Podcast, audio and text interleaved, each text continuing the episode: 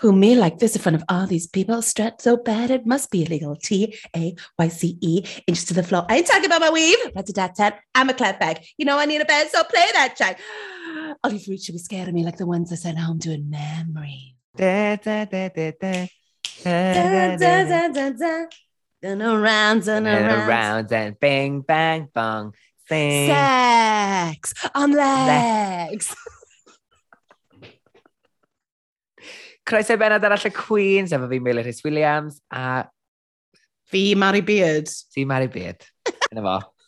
Ti'n gadw gyflwyn o tyn am unwaith.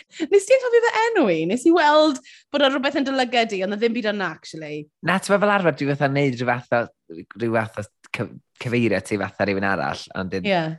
Ond i ddim, oedd ti ddim byd oedd yma. Na, ond ti'n edrych mor gorgeous, ond i jyst gallu gweld Mary Beard ymlaen i, so i jyst, ah, there she is. Neile! Be ddau ti'n feddwl o'r benod wythnos yma, Mari? Nes i really ddim mwynhau. Na dda? Be nes ti feddwl o'r benod yma, Neilir? Mae'n un o'r pethau yna. Mae'n ma bechod pan da ni'n cael penodau chydig bach fwy tumultuous, achos um, os di'r Queens ddim yn mwynhau a rhyw podd ddim yn mwynhau, yna da ni ddim yn mwynhau. Ac mm -hmm. mae'n bechod, really. Ond Ydy. weithiau mae'n golygu, weithiau mae'n gallu ysgwyd y pot go iawn. Mm -hmm. Ac gobeithio uh, wythnos nesa a bydd uh, pethau ddwywaith gwell. Dyna'r gobaith. Wel, wythnos dwytha, mi nath uh, Pwy nath fynd? O, nath neb fynd. Neb fynd. Yn y charity a Scarlett cael double save yn do, a nath Meilir um, benderfynu i brofi fi'n wrong, felly nath e roed, nath e roed poll ar Instagram i weld os oedd pawb yn cytuno gyda Meilir neu cytuno gyda Mari, a lo and behold, oedd pawb yn, lo and behold, oedd pawb yn cytuno gyda Meilir. So, fi, fi wedi ennill. beth fi'n ennill. Ar ôl hynna, fi obviously wedi newid fy meddwl, a nawr fi'n meddwl bod popeth mae Meilir yn gweud yn iawn. Oh my god, diolch yn gymaint.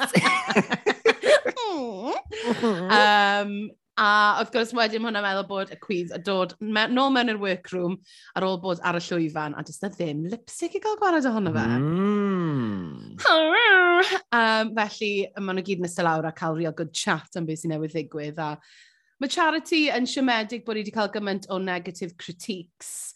Um, a mae'n ma actually gweud, um, allai rhywun roi Rupita badge, give a Rupita badge to charity. Nath yna neud yn ymwchod. Yeah, yeah, yeah. It's very funny, funny, funny, funny, funny. A nes ti sylwefyd fo Scarlett di dweud, RuPaul said that this is an opportunity to rebirth myself and he is right to that. And there you are. You set yourself up for the episode.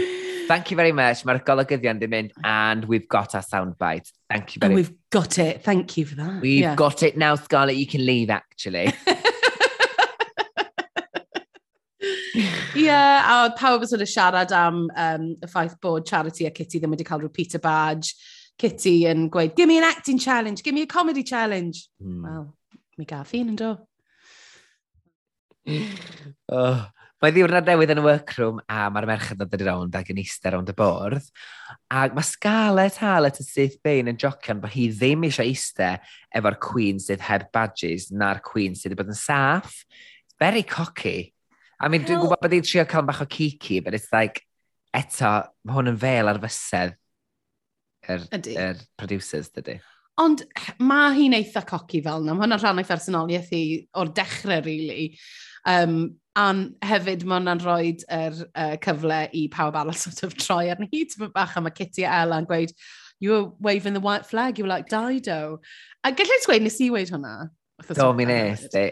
Um, so oedd hwnna, twyd, gethon nhw lot o hwyl yn neud hwyl am, am Ben Scarlett hefyd. a nath o'n fi chwerthu pan oedd hi'n flounder am it. No, no, it was the opposite of that. It was that trying to wave away the competition. But anyway, we'll forget about that because... Helo, Trian. Chos oedd e reit amlwg bod i jyst i troi ffen at y cefn ac y chwifio. White flag a charity? Ife hwnna Dido o'r gan white flag, yfe? Ie. Dido. White flag a charity. Okay, girl, your majesty did not really did head hairs is Kermit the Frog, is that you? She done ready, done had hers. Oh god, da ni'n 5 munud i. Oh god. How many? This is the this is the funnest part of the episode, Meilir. Right, come on. Hello, Oh. ladies. Now, if you want to Oh, own no. 51% of this company, you have got to earn it. So give us your best resting pitch face, because we're about to get all up in your business. Uh-huh. Wow, da iawn. Ti allu gweud e, wrthys yma, ddo. Her Majesty done already done had hers is... Oh, yeah, hold on. Her Majesty done already done had hers is. oh, nes ti neud e? Ond na bach o twitch odd yn dyle gyda pan nes ti neud e, ond I was here for caffeine yn cicio fewn then, Come on, Meilir, we got this. mae rhyw Paul yn dod i fewn, a ti di sylwi, mae dwy siwt mae rhyw Paul wedi dod efo fa yn y gyfres yma. Ife! Literally, mae'n alternator suits. Which is fine, because we're all about, you know, thoughtful fashion. Sustainability. Yeah, yeah, Ond, yeah. It's just... Ond, mae fe'n edrych fel bod y scarf rhan mynd yn hirach ac yn hirach. what's going on? Bydd literally, bydd hi'n tripa dros dy fe tro. Don't Byddai'n trai, beth yna'r thing net oedd yn gwisgo ys dalwm? Um, Cryfat? Ie, byddai'n trai fyny raffel mawr, cymheir.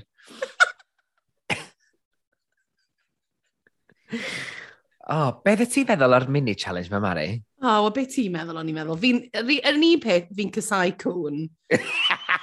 like, mae gen i phobia gwn. Fi'n cysau unrhyw beth i gyda crafts a cwn, anyway. O'n i'n meddwl bod e'n weird. Ti'n cofio'r un challenge yna nath nhw'n wneud flynyddoedd yn ôl, lle The Queen's yn gorfod bod yn gŵn beichiog. Oh, god! Un o'r cyfresu cynta. Ac achos gafodd o ffasiwn ymateb am bod o mor obscure a weird, mae fath o bod nhw wedi cadw'r er thema yma o cwn fewn bob un y hyn, jyst er mwyn fatha owd bach i'r challenge fwy ridiculous fi oedd erioed ar unrhyw reality challenge. Dwi'n gofio hwnna. Oh my gosh, googla fa, nid i gofio. Mae rhaid o fi, pa gyfres? Oh my gosh, fatha un o'r rhai cyntas di. Fi ddim, fi ddim yn cofio hwnna, Meilir, mae hwnna'n hwnna swnio'n insane. So basically, be maen nhw'n neud ydy cael un cwyn i fod yn handler a'r um, cwyn arall i fod yn gi, a maen nhw'n neud fel rhywbeth y crafts assault course. A mae yna moment bach really awkward pan mae rhywun gweud, ewch mewn i um, get into pairs. A mae Scarlett yn, mae Scarlett yn rhoi breichu rownd Charity oh. a mae Charity jyst yn paio hi ac yn mynd, where's Kitty? O, o hwnna'n boenus i wylio. Oedd e'n really boenus, oedd e ddim yn neis iawn. Achos... Ond hefyd, mae yna elfen arall o, was Scarlett, pam ti'n meddwl bys charity, dyn ni'n gwybod bod charity a Kitty'n ffrindiau. Mm. Mae hwnna hmm. wedi bod narratif, di, os mae fy narratif ar y rhaglen i ni, mae rai bod yn yr un peth tu allan, really. Mm. A hefyd, nath, Kit, na Scarlett just gafel yn charity heb rili mm. ofyn, so, you know.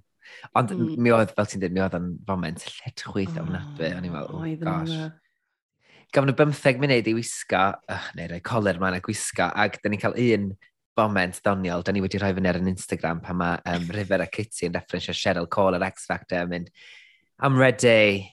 Oh, you said that with some conviction. I'm ready. Whenever you're ready. I'm ready.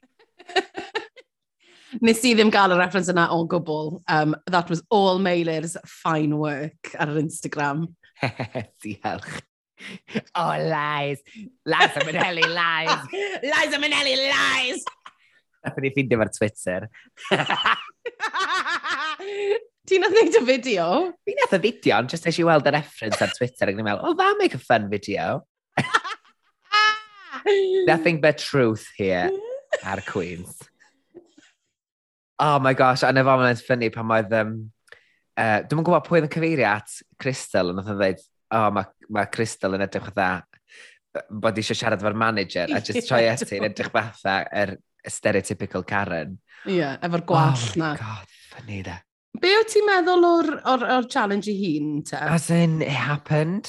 Mae rai fi ddweud, mi o'n i mewn bod Crystal yn ffynnu, to gafon ni weld fwy o Crystal mm. a Scarlett, o'n i'n yn meddwl bod cymeriadau hi o'r, or fam Essex ma yn ffynnu. Uh, oh. ond o'n i'n meddwl bod hi'n non-challenge i fod yn nes. Oedd o just yn esgus i fatha'r allu rhaid yr wobr gyntaf i pwy bynnag oedd rhyw eisiau. Mm -hmm, yn union. Dau beth odd, ddo, nes i ffeindio gyda Crystal a Scarlett.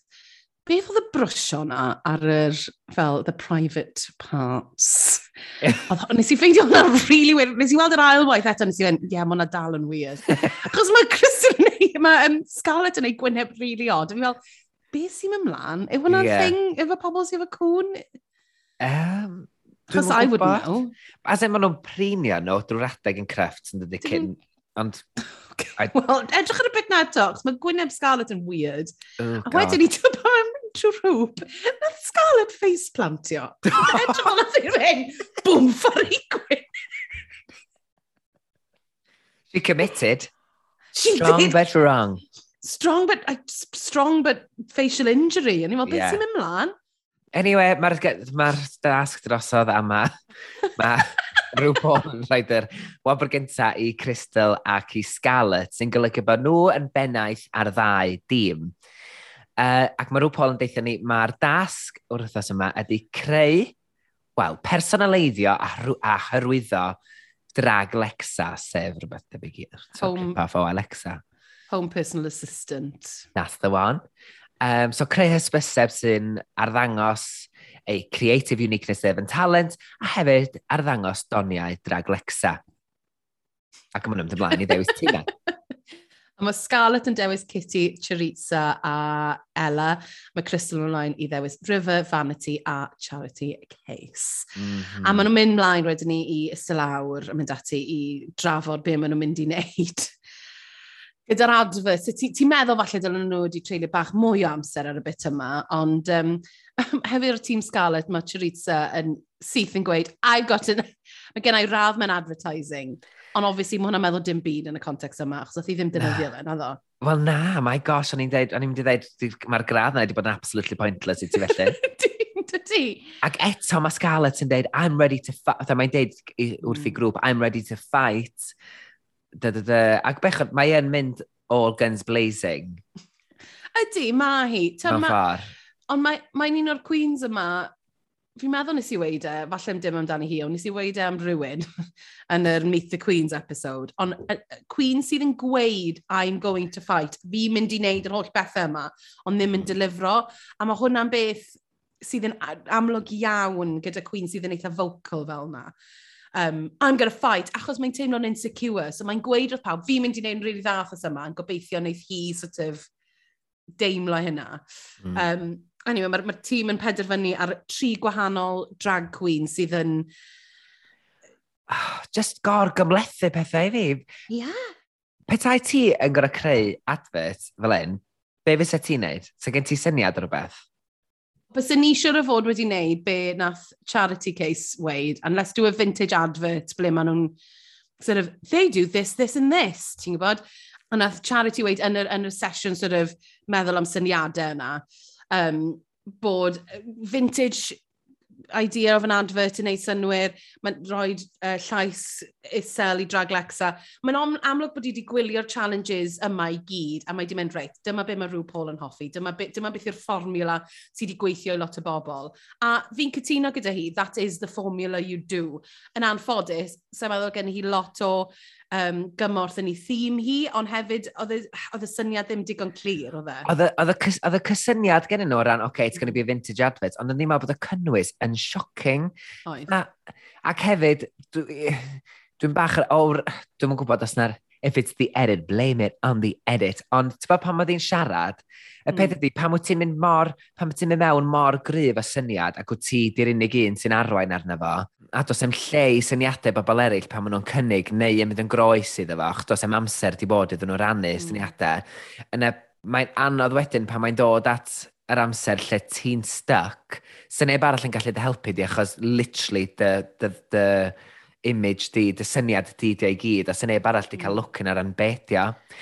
Be, be fyswn ni wedi wneud yn demari oh, ydy, yeah. efo pethau fel hyn, cwbl sy'n rhaid ti wneud ydy sticio i be mae rhyw Paul yn licio. Yr reswm maen nhw'n wneud y challenge yma ydy, achos yn y bywyd go iawn, yn, yn y byd go iawn, mae'r Queens ma'n mynd ymlaen i werthu pethau, os mm -hmm. na just i, i t-shirt y hunain, ac felly mae o'n sgil i allu gwerthu pethau. So ni literally di wneud drag Lexa sy'n helpu chdi i gyro dy unnes saboteur.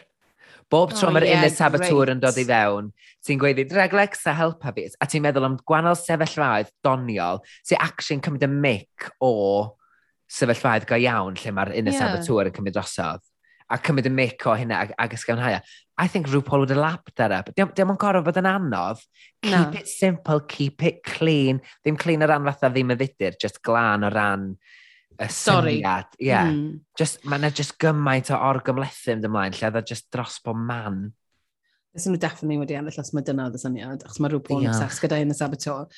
Ond hefyd, ond on oedd y syniad na, na charity case ddod ymlaen, ddim, yn, ddim yn wael, ond ni'n teimlo bod dim lot o actually syniadau eraill yn mynd rownd a oedd Crystal hefyd yn pŵ-pŵio pob syniad oedd Crystal yn cael. So fi'n credu, nath, obviously nath Charity snapio arni wedyn ni'n gen ti unrhyw syniadau gwell, a oedd gen neb syniadau gwell. A hyd yn oed pan oedden nhw'n mynd mlaen i sort of neud yr rhoi make-up mlaen yn barod i'r adfod, oedd hi yna dal yn trio sgwennu. So o'n i'n teimlo dros hi, actually. I'm going to be devil's advocate about that. Well, hi sgwenna ddo, ond neb arall fel looking. So nhw'n thought, oh, I guess there's nothing else for us to do then get ready, because you've done, you've done the, mm. you've done the thing. You've done Falle. the damn thing. You've done the damn thing.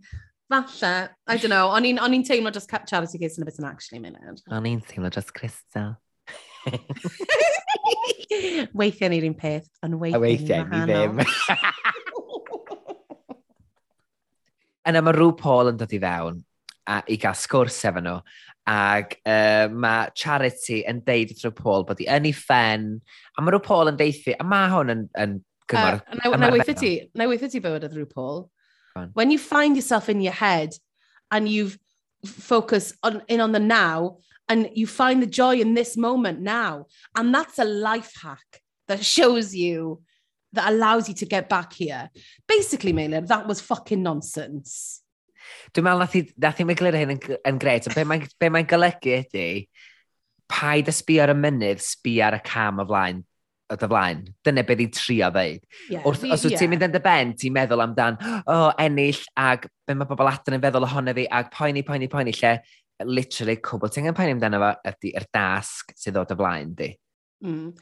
And Nes find i... the joy in that, ynda? Abs absolutely. A dyna, yeah, dyna, dyna be fi'n credu oedd angen i Charity wneud, oedd mwynhau ei hun. Ond be nath, mae ma rhywun dod allan gyda'r stwff yma weithio. fi fel, ti, what are you saying? Hello, Grandma. hello grandma, is that you? A wedyn ni, allan yn un, mae'n mynd, psychological! Ti fel... Dwi'n meddwl bod i jyst yn mynd yn bored ac yn entertainio hyn weithiau, ste. She well? Can we get a check on Rue, please? mae literally just yn entertainio hyn ar set. Ydy, ydy. Ie, ti'n iawn. Gosh. A wedyn... Um, Gosh. Mae ma nhw'n... Uh, rhyw pan gofyn, so be, di, be mae'ch draglexa chi'n neud? Well, are you tired of doing your own makeup? Doing your, ma your makeup yourself? I'm him and I've never done my makeup myself. A mae'n troi at, obviously, Raven. A mae'n chwerthin. A mae'n rhi... mae'n really hir. A li joc i hun. I'r pwynt pan maen nhw'n cario mlaen i siarad, mae'n dal y chwerthin ar ei hunan. Mae'n fel, I'm Fi'n hilarious, guys. This is hilarious because I am so rich and famous. This is beyond me. How funny this is, is this that this does not apply to me? And we've got this on camera. Does this not validate my fame and fortune? Wedyn ti just yn mynd, well, mae'n rhan ohono fi wedyn, mae'n mynd, what, be, who are you to say uh, to judge anyone's make-up te? A fi'n gwybod bod gen i chi chwaith make-up da, ond mae fe hefyd yn mynd, well, don't give tips then. Tyd, ma, ma, it, it, in a way, she tried to make it relatable. She tried to make it like, I'm the rich bitch. Dim relatable, ond I'm the rich bitch, aren't I funny? A wedyn oedd e fel, mm, you just made yourself instantly unrelatable. Blame it on the edit. Little bit awkward. Mm. Uh, yna mae Team Scarlett yn dod at y bwr ac da ni'n cael gwybod mae yna wahanol drag Lexas mi fod ganddyn nhw Ac ym mhob, ym mhob sefyllfa gwahanol, a mae Gwyneb Rw Paul yn deud y cyfan. ac os di Gwyneb Rw Paul yn mynd, huh, you change. Ti'n newid y syniad. Regardless os ti'n meddwl bod o'n amazing, just sa bod ti wirioneddol yn, mm. yn, yn credu yn y syniad, swn i'n newid o. And mm. they don't. Mm. A mae rhyw yn sort of really gweud oedd Scarlett bod hi'n hoffi hi, nath hi weld i audition tapes hi, a, a ddi'n siarad, nath hi really siarad i fyny, ond i'n meddwl bod hwnna'n really nice, actually. Mm. So mae'n nice pan mae rhywun sort of roi uh, cip tu o'r llen i ni o, o y broses yna. Mae wedi gweld audition tape, dyna pa mae hi yna. Um, wedyn ni mae'n gweithio Charissa anyway, but I, she has a meaty tuck. You have a meaty tuck. And mae'n just yn mynd, yes, I do have a big penis. I mean, it's quite distracting. Maybe you should just yeah. tuck it back a little bit more. okay, I'll stick it, I'll stick it up my bum bum. mae hwnna, ma hwnna yn, twyd, mae wastad wedi bod sort of uh, siarad am tucks, do they need, do you need to tuck a stuff? On, in context RuPaul, you have to feel the fantasy and be the illusion of being a woman, a tucking is rhywbeth sy'n wastad wedi bod yn, yn Ond dwi'n meddwl, be, be, peth ydy, so dydy charity ddim wedi bod yn tycio bob tro. Mm. Ac pan di ddim yn tycio, she, she un, unapologetically does it. So pan mae Charitha'n trio tycio, dwi'n meddwl bod rhyw Paul yn dweud, if you're gonna do it, girl, get it up there. oh my god, dwi'n gwybod sy'n un o'ch adre di trio, chi sydd efo penises adre a balls, da, os ydych chi di trio, my god, mae tycio yn art form yn ei hun. Ti di, ti di tycio? Oh my god, Mari. Mae yna ddau ffordd, basically. Mae yna un lle jyst yn symud bob dim yn ôl. Right. A just ddim... cadw fe yna? Ie, yeah, sydd ddim yn creu illusion, really. Ma, achos, yn amlwg, mae ma yna bethau dal yna. Y ffordd gywir, neu'r ffordd uh, uh, extreme, os lyci di wneud mm. ydy, ti'n ti gwthio'r er earrings i fyny nôl oh. fewn i dy gorff. Oh my god! Lle doethyn nhw, os fysa nhw wedi bod yn ovaries, fatha popio nhw fewn bob ochr y dy bladur. Hang on, hang on. Yes, yes. A mae'n teimlo, mae'n neud digon yn eich di dim ond thick. Sorry, Mae dati... So, do you have, do you have like a cavity? Ble mae... Well, kind of. Ti'n gallu just... Dyn nhw'n teimlo naturiol, dyn nhw'n fydd yna. Oh, me ni, wedi ddim yn sic yn brifo. So mae'r ma pwrs yn wag, nid oes newid yn y pwrs, o gwbl. Iawn. So wedyn mae gen ti just let's just be honest. Penis. Like, mae gen ti groen nid dyn yn ôl, does, right, basically. Yeah. The penis ar, ar sach a just wacio oh, yn right. ôl. Oh, right. Ac wrth dynnu hwnna reit yn ôl, wrth dynnu hwnna reit yn ôl, mae'n cadw y balls lle maen nhw fod, yn y, well, ddim lle maen nhw fod, ond yn y top maen nhw. Ond mae o'n, mae o'n, mae o'n um, brofiad, mae o'n sensation mor hyfedd. Hang on, o'n i ddim yn gweud yn sylweddoli be o ti'n meddwl, Meilir. Ti'n cymryd yr canol y bolsac a ti'n popio'r oia lan, a wedyn ni'n just gen ti'r... Just Mae hwnna'n mad. A dyna sut wyt ti'n creu tec? Oh, don't do it! Just Achos, don't do it. Nes i watch y tutorial, well, surely ddim fel India. Surely ddim, but it is. Byddai'n meddwl am hwnna trwy dydd. Anyway. Mae hwnna'n mind-blowing. Diolch am yr um, esboniad hynno o dodrylwyr hynna. Gosh, dwi'n di gael hwyl yn editio hwnna. Mae'n ni'n mynd ymlaen wedyn ni i ffilmio yr advert. A mae Team Scarlett yn dod arnyn nhw, mae gen nhw storyboard, mae'n edrych yn y ddawol, a wedyn ni really gloen i sylweddoli bod gen nhw'n really syniad beth sy'n maen nhw'n neud. Um, mae y concept bach yn manic, bach yn weird, a sy'n y bit yma, ni ddim cweit yn gweld beth yw'r advert, ond ni'n gallu gweld bod Michelle ddim yn hapus, mae'r uh, pobl yn y tîm yn scramblo rownd am rhywbeth.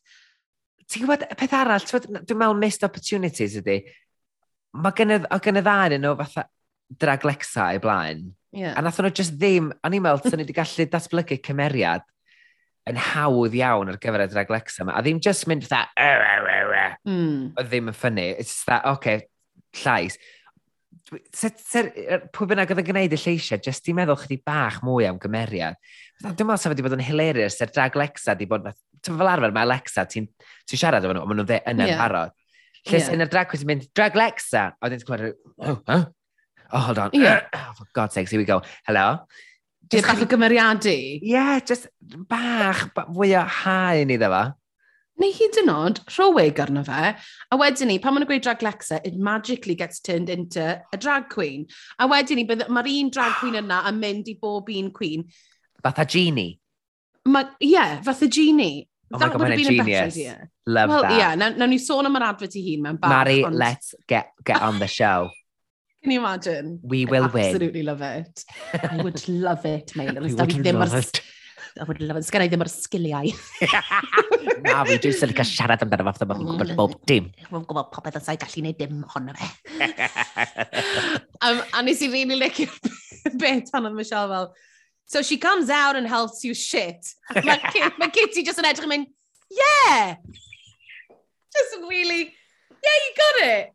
Geto, mae hwnna'n big red flag a Michelle yn mynd, so this is where we're at.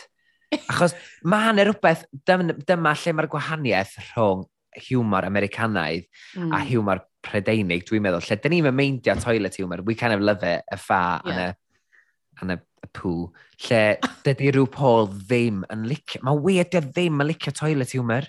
Mae'n weithiau, mae'n weithiau, nes e hoffi, um, oh, beth o'n i, Iara Sophia. Ti'n cofio pan oedd hi wneud y comedy sketch na pan oedd hi fel, oh, I'm pooping myself. like, she, she thought, ti'n cofio? O, oh, no, hwnna, Iara Sophia, mor off the scale o just wallgo yeah. oedd o'n gweithio yn dweud. Fi'n fi credu bod hi'n ho ma, ma rhywun hoffi fart humour weithiau, yeah. ond dim poo humour. Yeah. I mean, fi ddim yn partic... Fi'n meddwl bod e'n eitha childish, ond, I mean... Os na, yw'n wreiddiol, dim yn taro, na di? No. Mm. A wedyn ni, dyn ni'n gweld tîm Crystal yn dod mewn. Charity is the director, scriptwriter, actor. She wrote the theme too. She's here. Let's go. A mae'n sort of rhoi pawb yn ei lle ac yn gweud wrthyn nhw ble i fynd, which I think is kind of not a bad thing pan ti mewn time sensitive. So ni di cymryd hi'n ochr, taking a deep breath a di deud, get in your lane, girl, and let me do my thing. Okay? That's what I would have said. Dwi'n lyfio, hyn o'n pan mae Michelle yn mynd, and action, a mae hi'n mynd, one, two. Oh. So ni di bod Oedd hwnna'n, oedd hwnna'n rili really neu fi chwer. Achos oedd rhaid nhw gyd siarad gyda'i gilydd, ond ar yr un pryd, o'n i fel, hun, come on. Now. Take a deep breath and let this thing breathe. Ie, Yeah, ond ar yr un pryd... Suffocating, y... Mary. Suffocating. Ie, yeah, cytuno, ond nath neb yn y tîm siarad lan. Nath But pawb yn y tîm... Just... Neud. Wel, nath e nhw adael iddi hi... Wel, fi'n meddwl oedd na gyfle. Fi'n meddwl bys y pawb wedi gallu, bys y pobl... A you know, fi'n gwybod bod hi'n gallu bod yn eitha antagonistic, ond bys ni wedi, bys ni wedi gweud wrthi hi yn y sefyllfa yna, Meilir, sy'n ni wedi mynd, listen, okay, we'll do it. Neu... Mae Crystal ddeud, no, fatha, this is not the time to bring up. Well, it is Crystal. Dyma'r peth, fi'n meddwl mae Crystal was very good, uh, very sneaky, achos she let her just do it. A wedyn ni, mae'n hawdd iawn iddi hi wedyn ni ar y llwyfan just i weid, well, she took it over and all of that stuff. Mae gen bawb lais yn y rhaglen yma. The, these people, that, these people, Meilir, are not backwards in coming forward. And that's that. Oh, I'm hitting a mawr. Mae hyn ddiwrnod newydd yn y workroom, Elimination Day, ac mae'r Queens yn paratoi ar gyfer yr enwau. A dyn ni'n cael sgwrs bach reit, um, reit anwyl rhwng mm. Kitty a Scarlett. Scarlett yn sôn am ei ffrwythynas i fai mam a sut mae di stryglo um, i wneud cysylltiadau efo bobl sy'n para. A nath hyn hmm. ddechrau adre, um, oedd ei mam hi yn fam sengl oedd yn trio magu teulu um, heb fawr o bres a wedyn cael problemau iechyd. A ma, ta pe, oedd y fames mae mor boenus, o'n i bron yn anghyfforddus yn gwylio, achos o'n i'n mm. teimlo gymaint o bechad drosti, ac mae'n amlwg yn dal yn mynd drwy hyn, mae Scarlett dal yn mynd drwy hyn, ac o'n i wirioneddol mm. yn teimlo drosti, mm. bechod. Mm. Fi ffeindi fan odd y bit yma, achos um, fi'n rili really mwynhau yr um, chats mae pobl yn cael am, ar, ar, ar tyd, pethau maen nhw'n dod lan. Ond mae'n teimlo mor manufactured. Achos o'r blaen, o ti'n gwybod bod e'n manufactured gyda rhyw Paul, ond oedd pawb yn sort of, sefyll rownd ac yn ysteg yn neud i make-up, oedd yn edrych yn mwy naturiol, ond mae hwn yn sort of, maen nhw wedi setio lan, oedd yr un set-up y river wrth ystwetha, yng nghanol y stafell yn neud y make-up efo'r camera o'i blaen, o'i blaen nhw. No a dim make-up ar Scarlett, so ti bron yn meddwl, nath nhw weid aros, aros nes bod ti'n siarad, nes bod ti'n rhoi make-up arno. E, e, Mae fe'n teimlo lot mwy sinigaidd a sort of set up nag o'r blaen. A nath hwnna, fi'n meddwl dyna un o'r rhesymau nes i deimlo bach yn anghyfforddus gyda fe hefyd. Achos oedd e'n sort of, oedd, oedd, oedd she was pouring her heart out, ond fi'n gwybod oedd hwn yn set up. Yeah. So, oedd e'n anodd i wylio fi'n credu, y bit yna. Ymlaen yn ni i'r runway. Bam. Bam, bam. Bam, bam, bam, bam, bam, bam, bam. Mm, mm, mm, a mae rhyw Paul yn dod allan yn ni cut-out sequins, dress, coch, um, gyda y lliw, uh, gyda um, blodyn coch yn ei gwallt a wig gorgeous. Um, Meilir, nes di sylwi bod ti'n gallu gweld i cosau ti a oedd yn lliw gwahanol i'w ffeit ti? Mhm, -hmm. Now, if that was another queen mm -hmm. on the runway, mm -hmm. she would be red to fill. She would. The sheer was a different colour to the tie, mm-hmm. which was slightly distracting. Mm.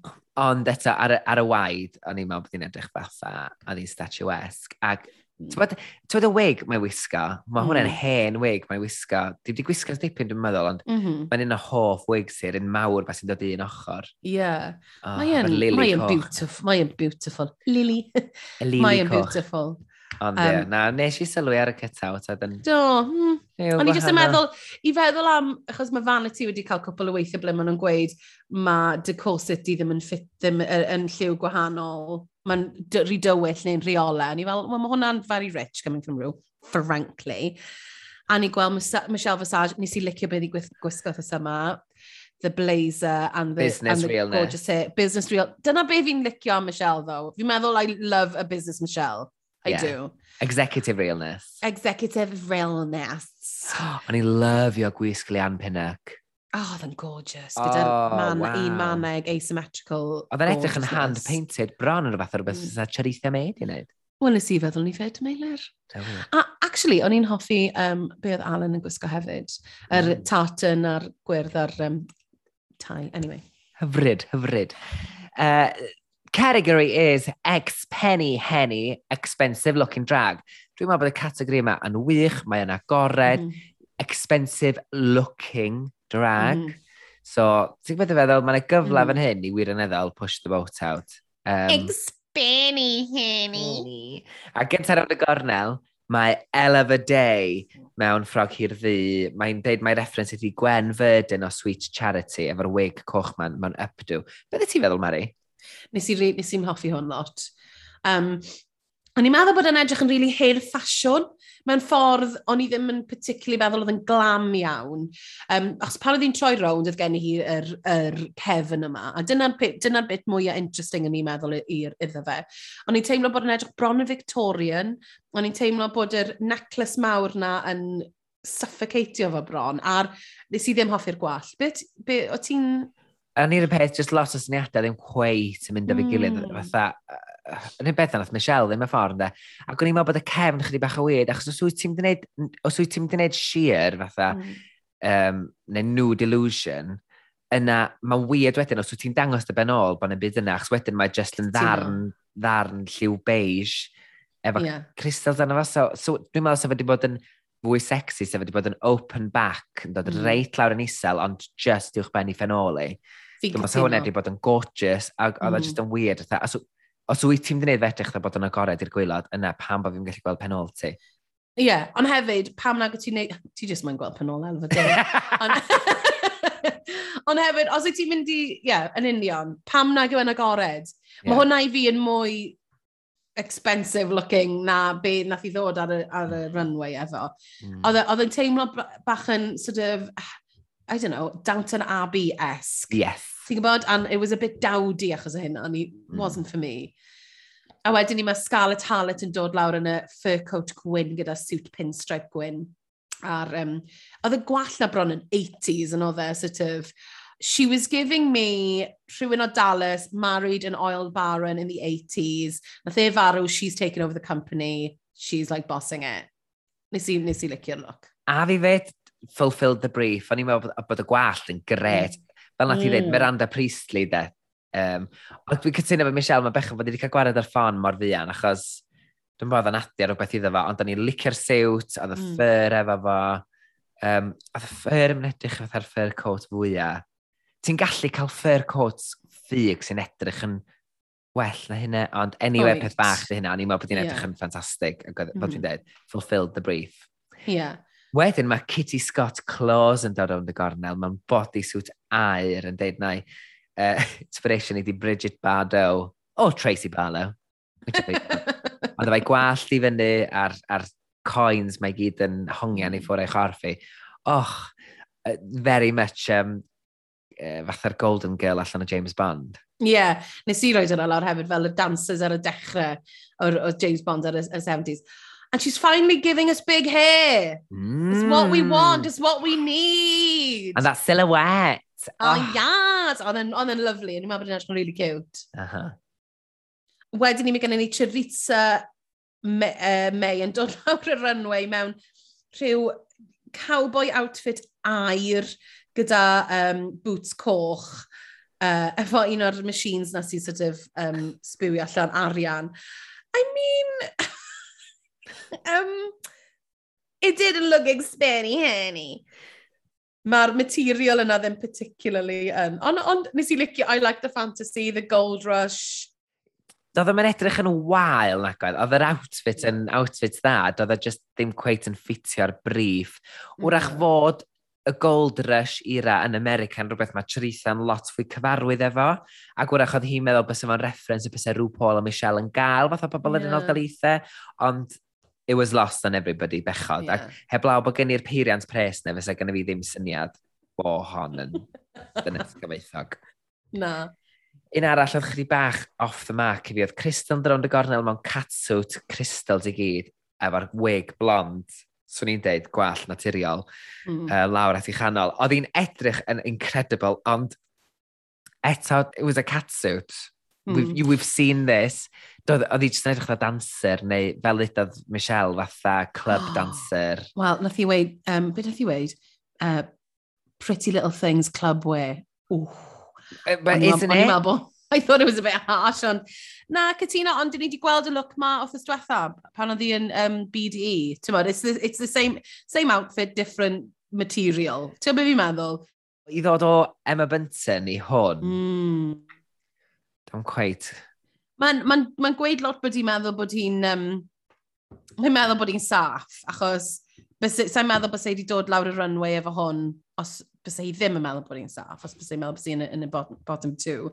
A to, fel arfer, mae make-up hi yn stunning. To, mm. Mae'r pink, mae'n neud, mae neud pethau rili really diddorol efo lliw um, gyda ei, uh, gyda ei make-up hi. Ond ie, yeah, fi'n meddwl bod y sgidiau hefyd ddim yn iawn. Fi'n meddwl mae dyna beth sy'n neud yn edrych fel girl on a night out in Essex, falle. Um, a twyd, strappy ma, ma, heel. It's, it's, a stra it's a strappy heel, ti'n mod. A mae'r ma, sequins yn lovely. I get what she's trying to sell me, it just has not hit, hit the mark. Hefyd, achos bod i wedi gwisgo e rhywbeth tebyg hefyd, de, petai hi ddim wedi gwisgo'r catsuit awesome arall mm. na'r gen i ar gyfer yr er BDE, yna, wrach fysa hwn wedi cael mwy o impact, ond achos mm. bod fi wedi gweld hi'n hwnna, well, this completely lost its impact ydyn. Totally. A mae hefyd, mae hi'n licio'r breastplate ma, neu anyway, achos oh, mae'n mae sort of dangos yn off. Lot. A wedyn ni, mae gennym ni uh, River Medway sydd yn edrych yn absolutely beautiful. Mae'n dod lawr mae'n coch ag air a mae'n esbonio bod uh, y lliwiau yma yn ei diwylliant hi yn meddwl wealth. Er, er, um, nes i feddwl mae hwn oedd the look of the runway. Ari. Absolutely. Oh. Droch. Oh dead gorgeous. Ac mae mor braf gweld River yn... Achos weithiau mae runways hi'n hit and miss. Mm -hmm. um, oedd wythnos wytha yn enghraifft o hynny. Uh, lle wythnos yma ddim mor braf gweld hi just yn edrych yn bent mm. mor brydferth. A fel mm. ti'n dweud, mor gyfoethog. a ddim mm. fendigedig. Mm, oedd e'n ddathliad hefyd o'i ddiwylliant ti, a dyna beth yn neis. Oedd e'n, achos oedd e'n, it looked expensive. Oedd. Exactly dod hit the mark, ti'n mwyd? Ie. Yeah. Dod â mm-hmm. ei chymeriad hi i fewn i'r dasg hefyd, mm. oedd yn mm -hmm. llwyddiannus ofnadwy. Yna mae charity case yn dyrwnd y gornel fel rhyw dylwythen deg uh, Hyn llefus. Hyn llefus. a be dwi'n licio am hwn de, ydy, twyd, dydy'r tylwyth teg yn wreiddiol, dydyn nhw ddim yn creadur, mm. doedden nhw ddim yn creaduriad neis, oedden nhw'n creaduriad hyn llefus, fel ti'n dweud, oedd yn dwy'n babis, oedd yn dwy'n bob mm. dim, oedd yn dod â anlwc i, bab, i, i bawb. Mm. Felly dwi'n licio bod i wedi gwneud cyffyrddiad ar hynna, oedd dwi'n mm. meddwl bod yr wisg yn anhygoel. Mm. Er bod fi'n meddwl uh, bod y wisg yn anhygoel, dwi kind of yn cytuno efo'r judges ar un aspect um, bod yna rhywbeth i'n taro deuddeg efo, a dwi'n yn gwybod yn iawn be. Fi'n angytuno, fi'n meddwl oedd hwn yn amazing. Mae e'n quintessential charity case. Twyd, ma, nath i ddang, be nath i wneud yn yr advert o dangos glamour a a nicer, softer feel. So wedyn i fi meddwl, oedd hi'n meddwl bod hi yn gallu wneud y contradiction yma o gael be mae'n wneud yn dda iawn, sef yr horror make-up yma. Twyd, oedd hi'n ed, hi edrych fel Tolitha'n dig sydd wedi dwy'n dy, stwff di gyd, wedi dwy'n dy jewels di gyd, a wedi gwneud rhywbeth allan ohono fo. So, Mae'r wings yn beautiful yn hwn, mae'r ma detail, ma details i gyd fi'n credu yn wonderful. Mae bob tamed o'r wisg di orchuddio mewn jewels, dydy. Mae'n anhygoel. A wedyn ni mae gen ti'r er long fingernails yma, a mae gen ti'r er pen wisg sydd yn edrych o'n Maleficent. Mm. Nes i joio, a nes i really mwynhau e. Yeah. Um, a twyd, ydy, mae'n erchill, ydy, mae e, a mae hi yn, ti'n modd? Dwi'n meddwl, dwi dyma di wrth glwyd ti'n siarad amdano, dwi, dwi wedi ffigur allan beth ia. Dwi'n cael yr un un cymeriad pan mae'n dy rownd.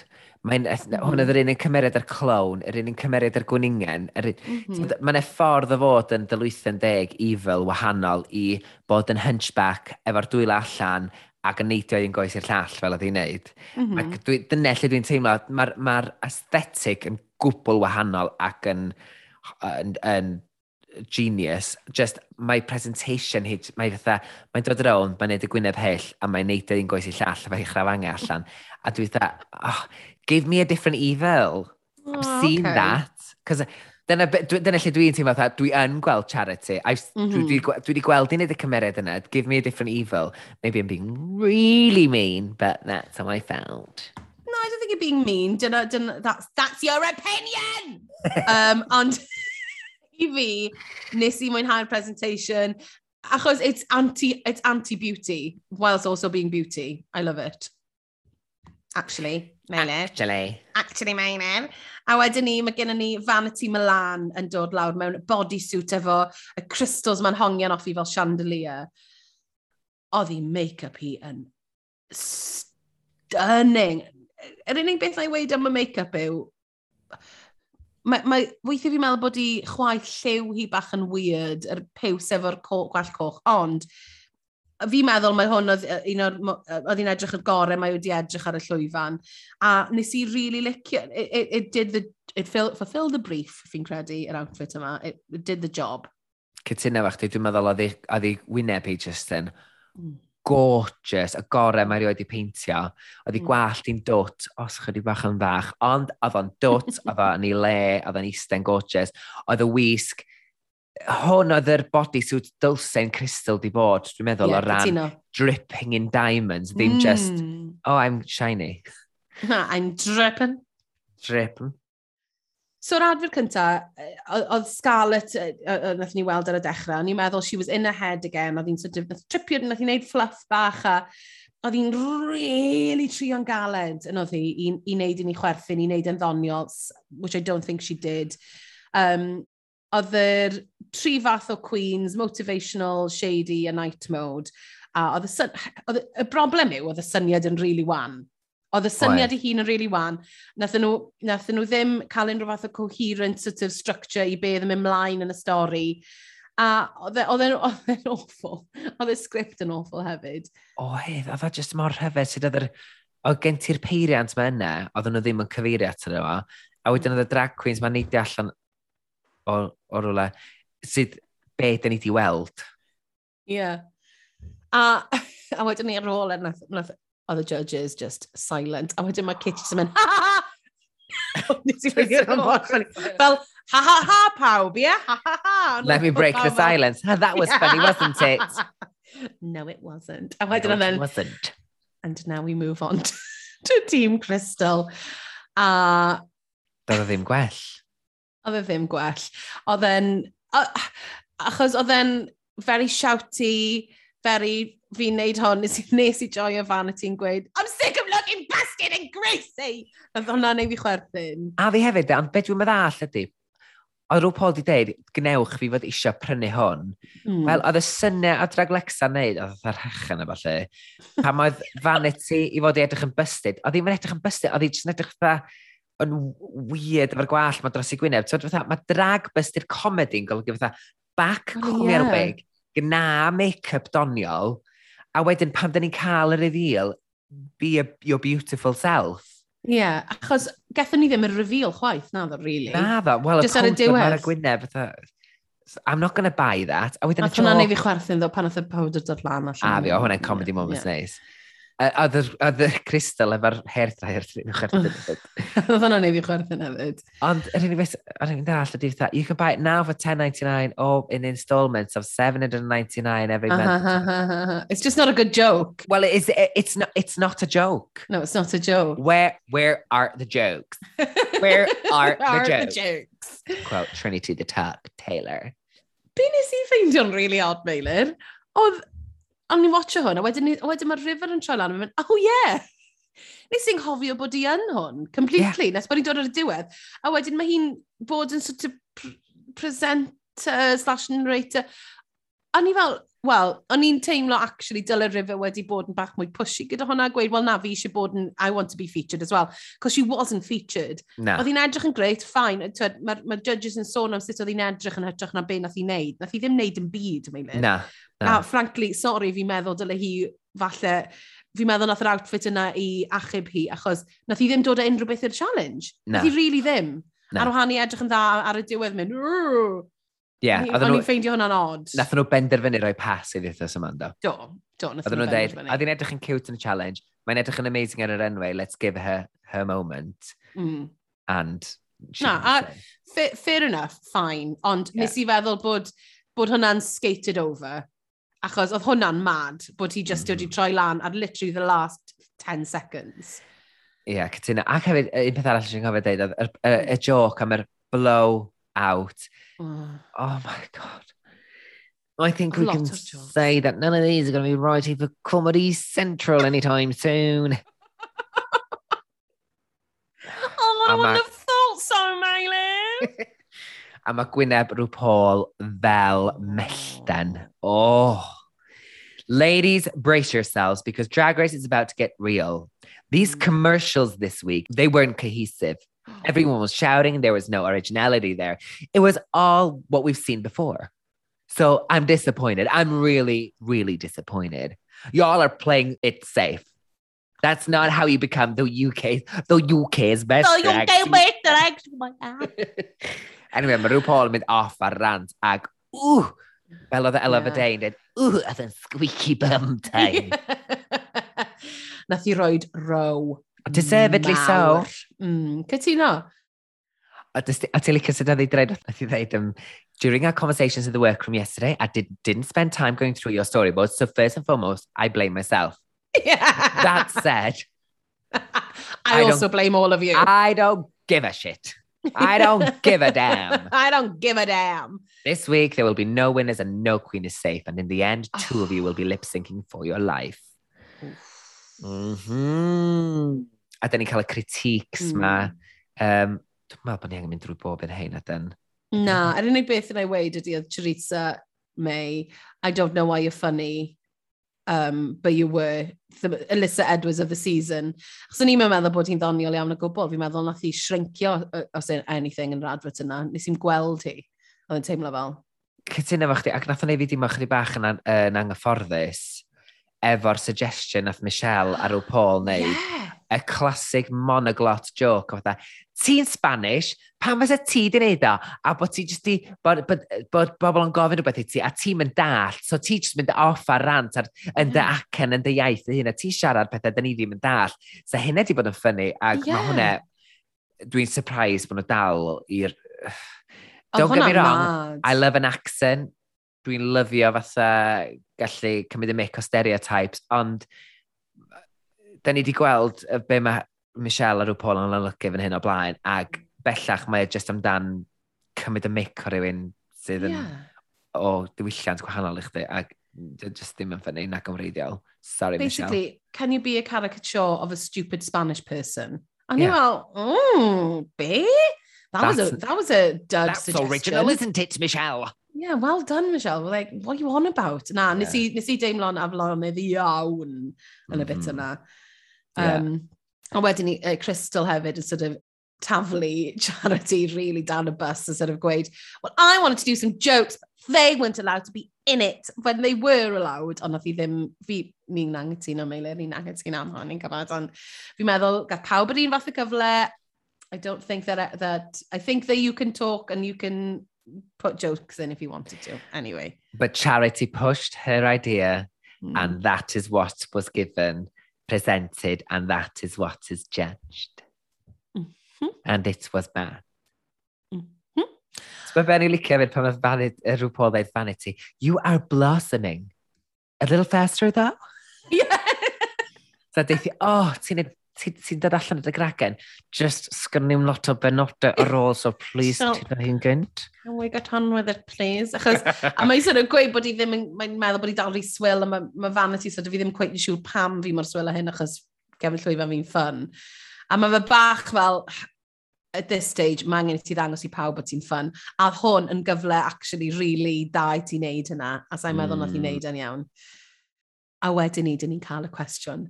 Y cwestiwn fi'n caru bob cyfres meilir. A'r cwestiwn wrth gwrs yw, who should go home this week and why? Mae yna ddau, ddwy bleidlais i charity, mm. un i mm. vanity, a wedyn mae yna un, dau, tri, pimp i Scarlett. Mm. Oh, a maen nhw'n, pawb yn os ydy'n gweud yr un peth yn nhw, mae'n meddwl charity achos bod hi'n negatif, yn negative comments, vanity well, just Kitty'n gweud, I'm not a fan of her looks. A wedyn ni Scarlett, mae lot o bobl yn meddwl bod hi ddim wedi profi hun ers wythnos diwetha, a mae Crystal yn mynd mor bell a gweud bod hi'n meddwl dyle Charity wedi ennill wythnos diwetha, basically. Um, Dwi'n mynd ac tyna fo rhan fwy o'r comments. Dwi'n meddwl bod y rhan fwy nhw'n weddol deg, ac wrth gwrs mm. dyna pan bod nhw'n boenus i'w clywed i Scarlett, Drian. Mm, mm, cytuno. Achos fel a, mae'n gallu, mae gallu bod anodd yn y bit yna, achos ti'n mynd, wow, there's some shady fucking bitches around. Ond, it was kind of fair. O'n i'n mm. person sy'n angytuno gyda ni, Meilir, yw Scarlett i hunan, achos yn untucked. I'm not interested in talking, thanks. I'm not interested in talking, thanks. yn iste yn y gornel na, oedd hi'n edrych yn really... Oh, oedd hi'n furious, a fi'n deall hynna. A fi'n gweud bod hi wedi agor i hynna'n lan i fod yn ffrindiau gyda pobl, a maen nhw gyd wedi troi ni herbyn hi. A oedd e'n teimlo fel bod pawb yn sort of minimisio hynna iddi hi, a wedyn ni mae'n sort of she blows up a mae'n cerdded off a... Oh. Dwi wedi rhaid lawr yn hyn, this is her Laganja Estranja moment. I'm feeling very attacked! I thought it was also her very Alaska um, moment. Yeah, wrth gwrs. I will PayPal you $10,000. Yeah. So it was, it was that... Oedd o just yn boenus yn dweud, achos dwi'n meddwl, mae'n dwi'n cyd yn cydymdeimlo fyny, achos dwi'n ddrwg pan mae'n y bobl yn ffrio fi fatha, dyda bod fi yn y pub a da ni'n cael dadl am rhywbeth. Neith, oh, fydd os, os di osian yn clywed hwn, fydd o'n lyfio fo. a wedyn mae bobl angytuno fi, dwi'n un drwg o panicio fatha siarad dros bobl os dde loads o bobl angytuno fo fi. Mm -hmm. Um, ond dyma sy'n digwydd yn endydi, mae'n teimlo fatha bod wedi cael ei chornelu, so dwi ddim yn gadael i neb siarad achos bod hi'n teimlo'n mm. suffocated. Ac dwi yn teimlo, mae'n mae ma hyn yn anodd i eistedd yna ar ôl bod ar yr enwau yn sefyll am dwy awr yn clywed pawb yn mm. you know, ripping ar y new one a wedyn dod yn ôl i fanna ac yn disgwyl eto i, i, i, i, i fod yn eistedd yn dawel am yna, yn gwrando ar pawb mm. mynd you know come iawn, that, actually. mae Elan deithi do you hmm. think that sitting there being defeated is going to help you Well, saying that isn't. Na, fi gwybod wedyn mae'n gweud, I'm not defeated be fi'n meddwl be mae, be mae hi'n ffeindio frustrating yw, mae hi'n meddwl bod pawb, mae'n basically meddwl bod pawb gweud you've given up, a mae ddim, mae, mae sort of, fi ddim wedi rhoi blan, ond a hefyd mae oedd e'n teimlo fel bach o pylon. yn sort of gweud, pan oedd hi fel, fi ddim eisiau siarad, that is setting a boundary, yn gweud, fi ddim eisiau siarad am hwn, achos mae'n rhy upsetting i fi. And oedd pawb constantly, well, why didn't he say something? Why... And then wedi Griffin teimlo fel bod hi'n really mynd amdani yn gweud, you're speaking over everyone. So man, oedd gen i hi yr thing yna, o, oh, wel, fi ddim o'n siarad, ond chi'n neud i fi siarad. A pan fi yn siarad, chi'n gweud bod fi'n interruptio chi. So fi'n meddwl nath hi'n neud y peth iawn, a peth, unrhyw un peth o fi yn y sefyllfa yna, she's removed herself from the situation, Ac oedd hi ddim eisiau bod yna, oedd hi ddim eisiau colli thymer. A nath hi gael 5 minutes a nath hi ddod nôl. nath nhw ddechrau arni eto a gweud, you know, you're defeated a hyn i gyd. A ti fel, gosh, oedd yn eto yn eitha uncomfortable watching. Ti'n iawn, a dos e river di cadw'r comments na at mm. diwrnod wedyn a dweud, gwranda, un peth dwi'n meddwl bysau ti'n gallu neud y well, bysau'n dy helpu di, di pan mae rhywun yn trio cynnig cyngor i chdi wrando. Nid mm fel ti'n deud, pan mae'n eistedd fanna, di gofyn i gael bod yn dawel. Mm. Twyd, oedd yn yeah. gwneud teledu gret o ran cael bach o fireworks, oh, ond o'n i wir yn meddwl yn teimlo bech o drosti hi, o'n i fatha, oh, oh gosh. O'n i fatha, just, just gaddwch lonydd iddi. Ond eto... Yeah, gael, gael i fod. It, fel, o'n i licio beth y vanity ar ran... Um, Tywed, beth nath i ddeud? Dwi wedi sgwini fel awr. Um, nath nath i weid, don't take it personal, efe, chos na byd nath i. Yeah, nath i ddeud, I would take it with a grain of salt, because I'm mm. not here for you, I'm here for Rue, and, and her opinion, that's it. Ac yeah. mae hwn, ma hwnna'n headspace iach iawn i fod ynddo fo yn yr gysgliau. Mm -hmm. mm. Mm-hmm. Ydy, ydy ah. mae, uh, ond nath, y broblem yw na, na Scarlett Gymryd yn rili really bersonol. A achos fi'n meddwl bod hi'n teimlo bod hi'n gwneud ffrindiau gyda pobl nath nominatio hi, a wedyn ni, achos mae wedi gweud yn barod yn y, yn y benod, mae ffeindi fe'n anodd i fynd nagos ar bobl, a mae wedi rili really gadael nhw mewn, a wedyn ni, maen nhw wedi deud na fi'n meddwl dyna ti fynd, a mm. ww, Nôl ar yr enwau, mae Rhw Paul yn rhoi warning i'r Queen sy'n saff, saff yn deud, As you step to the back of the stage, step your pussies up. Now step. A mae yeah. ma Kitty mynd, Shit. Oh, oh, okay. Quick, let's get out of here. oh, nath hwnna, nath hwnna, nath hwnna rhyw ias, dwi dda fi, oh, mama's yeah. cross. Ma mama's angry. A ma, ti'n meddwl, dwi'n yn licio pan mae rhyw pol yn linio fewn i hynna bod yn fatha mm. mam iddyn nhw. Fatha mm. plant drwg, ewch i'r cefn. Ie. Yeah. Ac ar, ar ôl ar y llwyfan mae Scarlett Harlett, Charity Case a Vanity Milan. Uh, mae y tri gath i nomineiddio gan y Queens eraill yn y fe. Ie, yeah, basically. Da. Mm. Ac mae, yn amlwg, oedden ni'n gwybod bod fan ti'n mynd i fod yn saff, mm. ac mae Charity a Scarlett unwaith eto oedd yn y gweilod. A'r no. gan maen nhw wedi'n lip-syncio efo ydy Shirley Bassey, Hey Big Spender! What Bing! O'n i'n lyfio'r dewis y gan ma. A fi. O'n i'n really hapus. Camp, mm. hawdd i ddehongli, digon allu di wneud efo fo, it's got peaks and troughs, loved mm. it. Be mm. ti'n feddwl o'r lip sync, please, Mary? Wel, oedd yn dau steil hollol wahanol. So, oedd gen ti, it, could, it was night and day. Um, o'n i'n meddwl bod Scarlett yn edrych fel film star. Oedd hi'n edrych yn amazing yn canu'r gan yma. A nath hi really werthu fe i fi with her heart and soul o'n i'n meddwl bod Charity, she gave me drama, panto, horror, humour, um, a nes i rili really mwynhau uh, be nath hi'n neud efo fe. Nath hi roi stori fi oedd yn ddim beth ni'n disgwyl o'r gan yna. Um, a wedyn ni, Meilir, drag is not a contact sport. O'n i'n di godi hyn, nath hwnna'n neud fi'n ofnadwy anghyfforddus. Scarlett nath, nath, achos oedd um, uh, Charity mynd rownd y sort of boddron hi bach fel sort of uh, bumblebee neu whatever. A wedyn ni, mae Scarlett jyst yn gwthio ffen hi, a mae'n sort of symud i'r ochr. Fi'n meddwl falle oedd Charity wedi symud i ffen hi, oedd ddim yn edrych mor violent, oedd ddim mor violent oedd yn edrych. Ond o'n i'n meddwl bod hwnna not on.